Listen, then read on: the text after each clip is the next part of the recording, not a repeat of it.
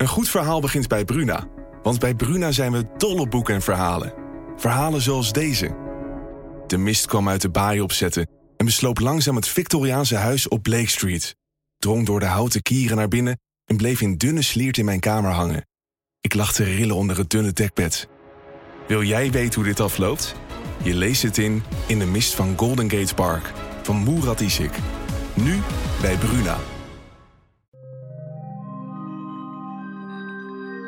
Dit is Spraakmakend, een podcastserie van De Telegraaf.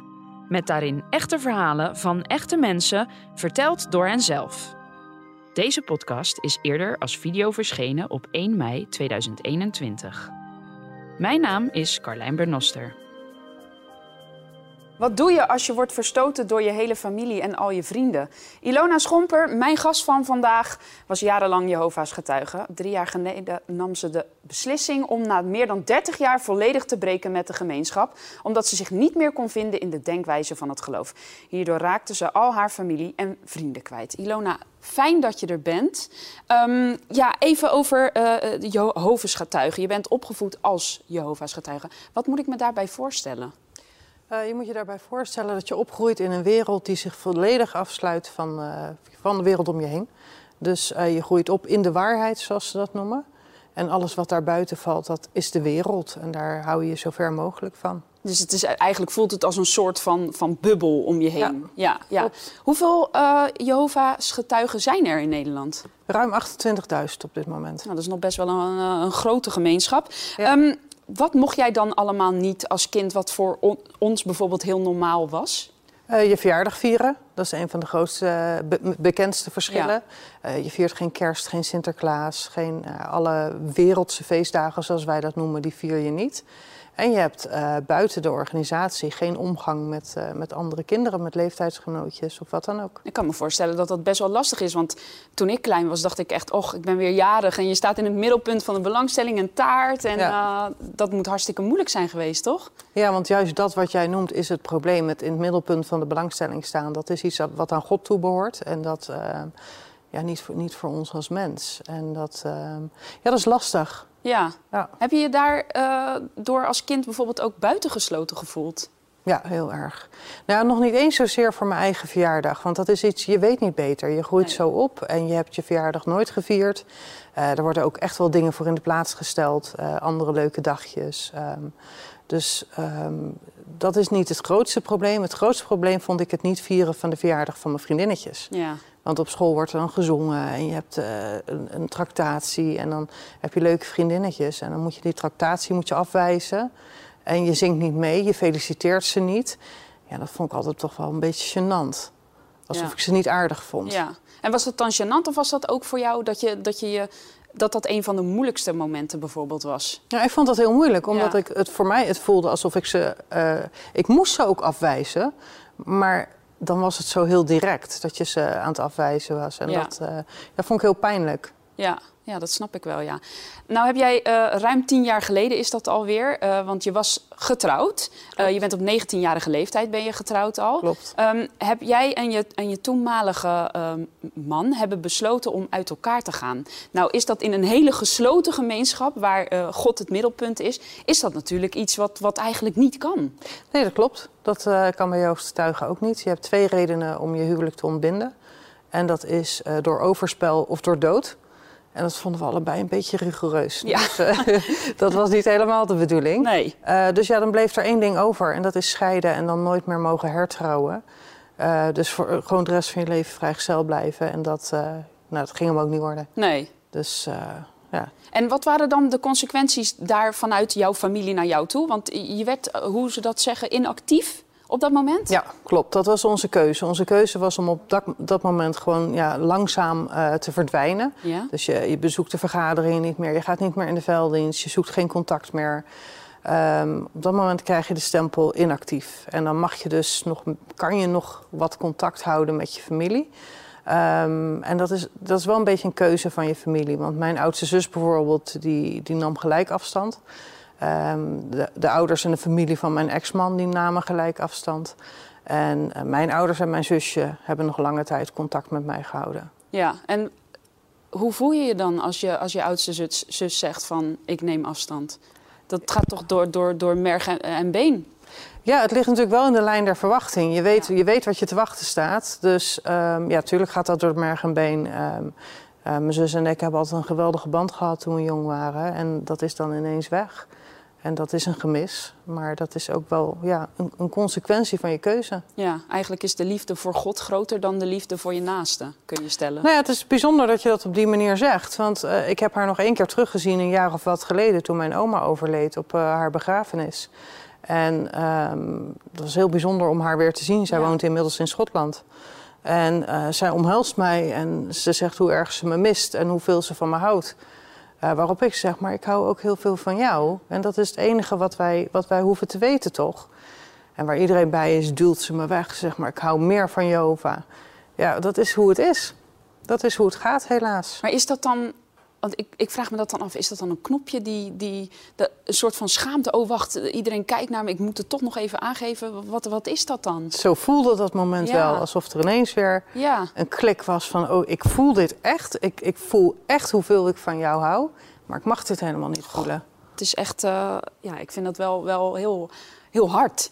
Ja, Heel hard. Ja, terwijl je toch zou denken van nou goed, liefde overwint alles. Maar dat is dus blijkbaar niet zo.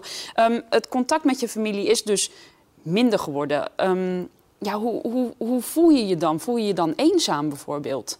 Want het, het- ja, je, je raakt toch wat, nou ja, isolement wil ik niet zeggen. Maar je, ja, je raakt je, je hebben en houden een beetje kwijt.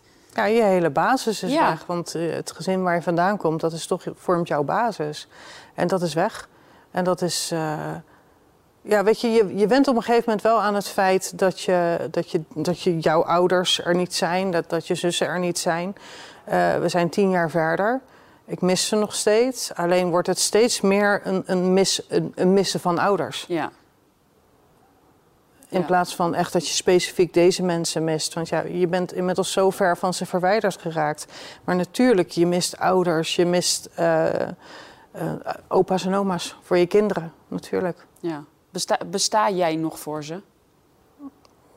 Ja, dat denk ik wel. In, in de zin, ehm, ze zullen me niet vergeten zijn. Ik weet dat mijn vader me niet vergeten is. Daar heb ik af en toe eh, heel sporadisch contact mee gehad. Ehm, maar in hun ogen ben ik geestelijk dood.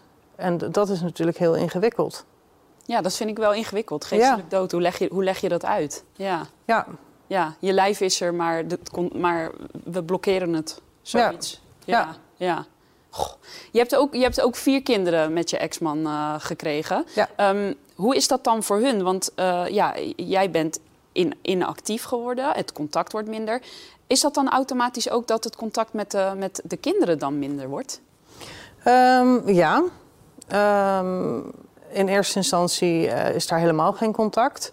Eh, je bedoelt met de opa's en oma's, ja, ja, bedoel ik, sorry. Ja. en met, en met Ja. je zussen. En met mijn zussen, ja, dat is, dat is eh, heel lastig. Omdat ze natuurlijk ook wel gewoon zien eh, dat ik een heel ander leven ga krijgen. En hun vader ook dan wat de opa's en oma's en de tantes hebben. Ja.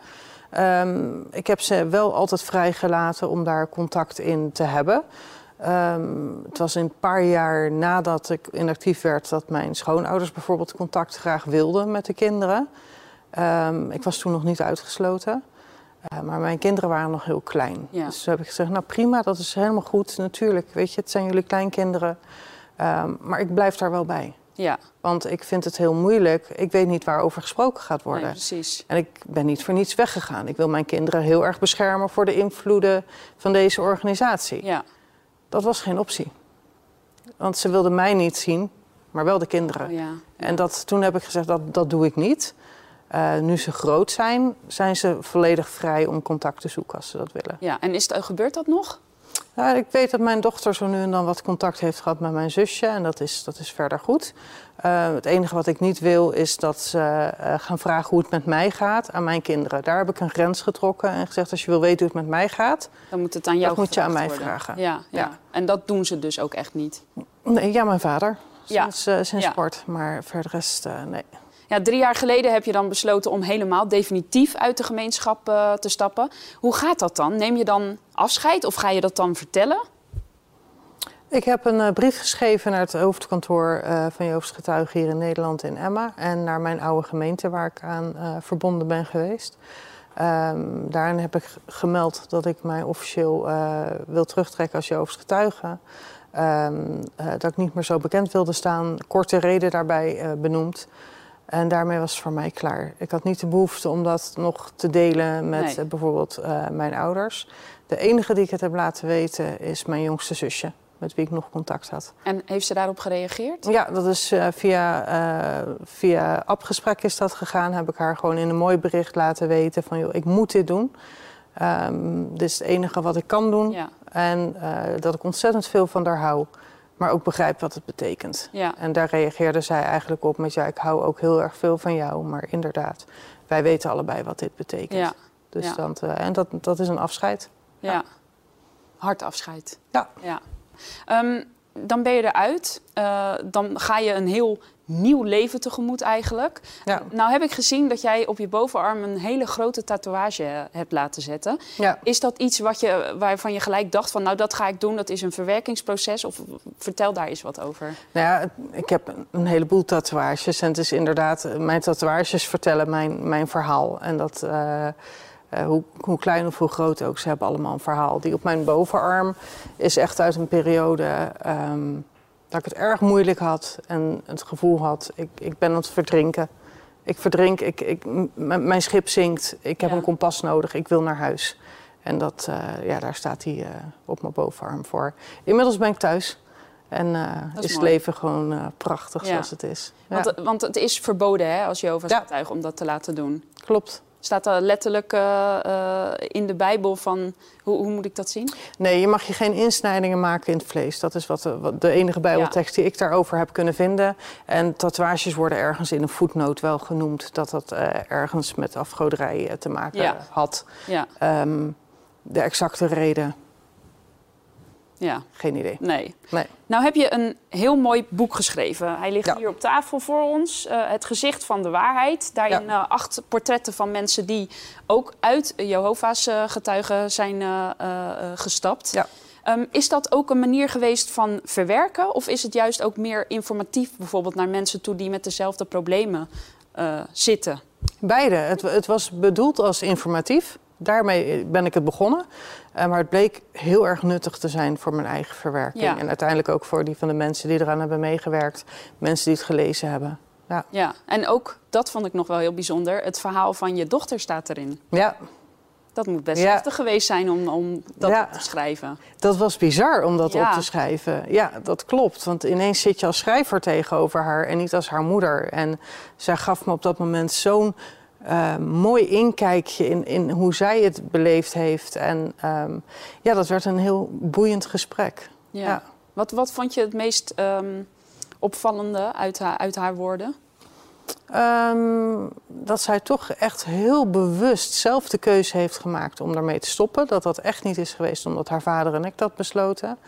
Uh, dat ze dat enorm goed kan onderbouwen waarom ze dat heeft gedaan. En de hinder die zij er als kind toch ook nog van ondervonden ja. heeft om in deze groep op te, op te groeien. Dat vond ik heel heftig om te horen. Uh, dat ze gepest is op school, dat vond ik heel heftig om te horen. Um, ik zag vooral een hele dappere jonge vrouw en ik had nooit op geen moment trotser kunnen zijn nee. als, uh, in dat gesprek. Ja. Heeft jouw familie op dit boek uh, gereageerd? Nee. nee. nee. maar dat kunnen ze ook niet, hè? Want op het moment dat ze, dat ze gaan reageren op dit boek, dan moeten ze erkennen dat ze het hebben gelezen. En je mag geen uh, lectuur lezen wat is geschreven door een afvallige natuurlijk. Dus dat, uh, dat is heel ingewikkeld. Ik heb erover gedacht om het ze toe te sturen. Maar ja, dan blijf je in dezelfde uh, probleem zitten. Ze mogen het toch niet lezen. Maar zou je het dan niet, misschien lullig gezegd, zou je het dan niet toch sturen zodat ze zelf de keuze kunnen maken? Heb je daarover nagedacht? Ja, daar heb ik echt heel erg over nagedacht. Maar het is voor mij uit een respect voor ja. mijn ouders geweest dat ik het niet heb gedaan. Nou, dat is mooi. Toch? Omdat ik het te veel voelde als, nou hier heb ja. je het, hier heb ja. je het verhaal. En dat, uh, ja, dat, ik vond het te confronterend voor ze. Ja. Dus dat heb ik niet gedaan. Nee. Je zei al eerder in het gesprek even dat je toch nog sporadisch soms contact hebt gehad met je vader. Ja. Ja, eh, hoe kwam dat zo ineens? Ja, door, door corona. Het, uh, mijn vader is oudeling. Dus hij mag formeel gezien, kan hij af en toe contact hebben met uitgesloten personen. Dat is meestal dan wel met als doel iemand weer terug te winnen voor de Ja. organisatie. Ehm, maar ik denk dat hij dit aangreep om toch even te checken van joh, hoe gaat het met mijn kind. En eh, heb ik alleen maar ontzettend gewaardeerd. Ja. Ja. En wat heb, wat heb je teruggestuurd? Ja, dat het ons goed gaat, dat Ja. we gezond zijn. En ehm, ja, naarmate er af en toe dan zo'n berichtje komt, ga je net even iets, iets meer vertellen over, over de kinderen, hoe het Ja. met ze gaat. Eh, daar komt bijna geen reactie op. Alleen maar fijn. Of, eh, of ja, hele korte, korte zinnen. Maar het is iets. Ja. Ja.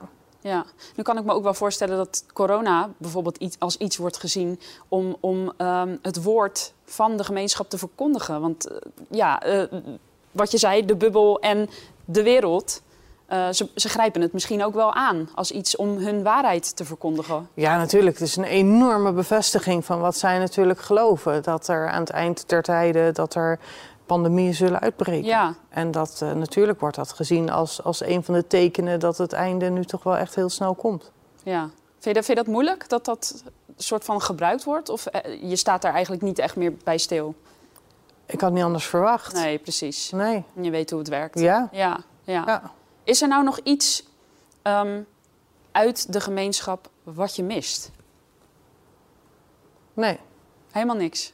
Nee, ja, mijn Ja, ouders en mijn zus. ja. Maar Ja. eh, nee. Nee. Je hebt nooit het gevoel gehad, ik heb een verkeerde beslissing genomen. Nee, Nee. geen seconde. Vind ik mooi. Dan heb je de juiste beslissing genomen. Oh, absoluut. Geen twijfel. Ja. Nee. Ik wilde je eh, bedanken voor je openhartige eh, verhaal. En ik wens je gedaan. heel veel eh, ja, plezier in het leven toe. Dankjewel. Ilona, dankjewel dat je er was. Yes, dankjewel. Wil je meer spraakmakende verhalen horen? Abonneer je via je favoriete podcast-app, zodat je nooit meer een aflevering hoeft te missen.